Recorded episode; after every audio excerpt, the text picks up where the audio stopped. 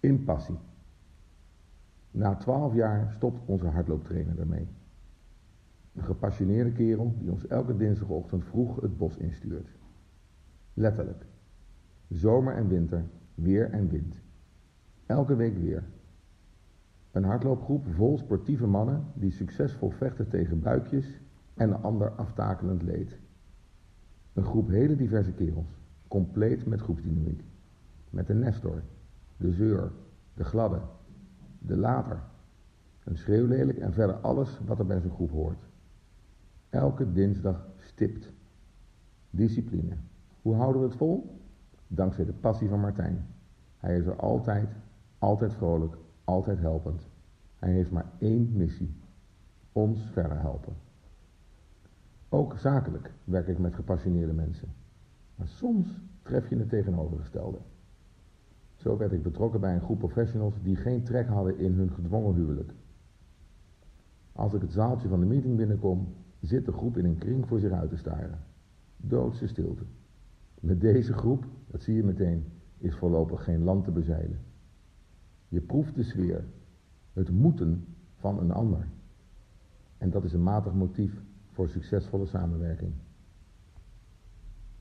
Zoals zo vaak is, dat, is de angst dat de ander je bedondert groter dan het vertrouwen in de duurzame samenwerking. Tegelijkertijd weet iedereen met passie dat niemand het wonder alleen kan verrichten. Hoe nu het geheel samen naar een hoger plan te tillen, de som der delen. Voorlopig tref ik in het zaaltje voornamelijk de priemende argusogen van de een naar de ander.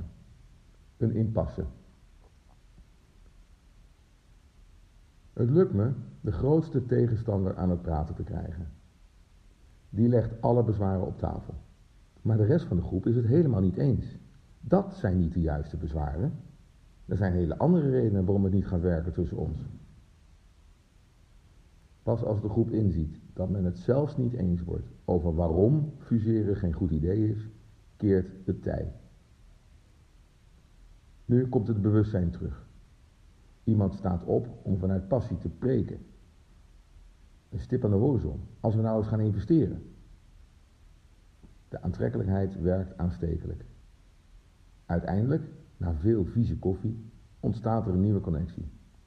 Het respect voor de ander heeft het gewonnen van het gemak om alleen verder te gaan.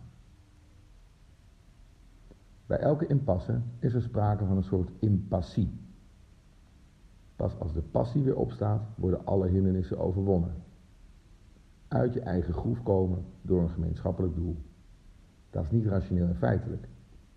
De passie drijft. Onze hardlooptrainer stopt. De groep niet.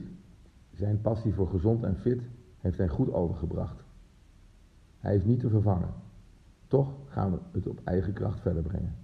Geen impassie in de hardloopgroep.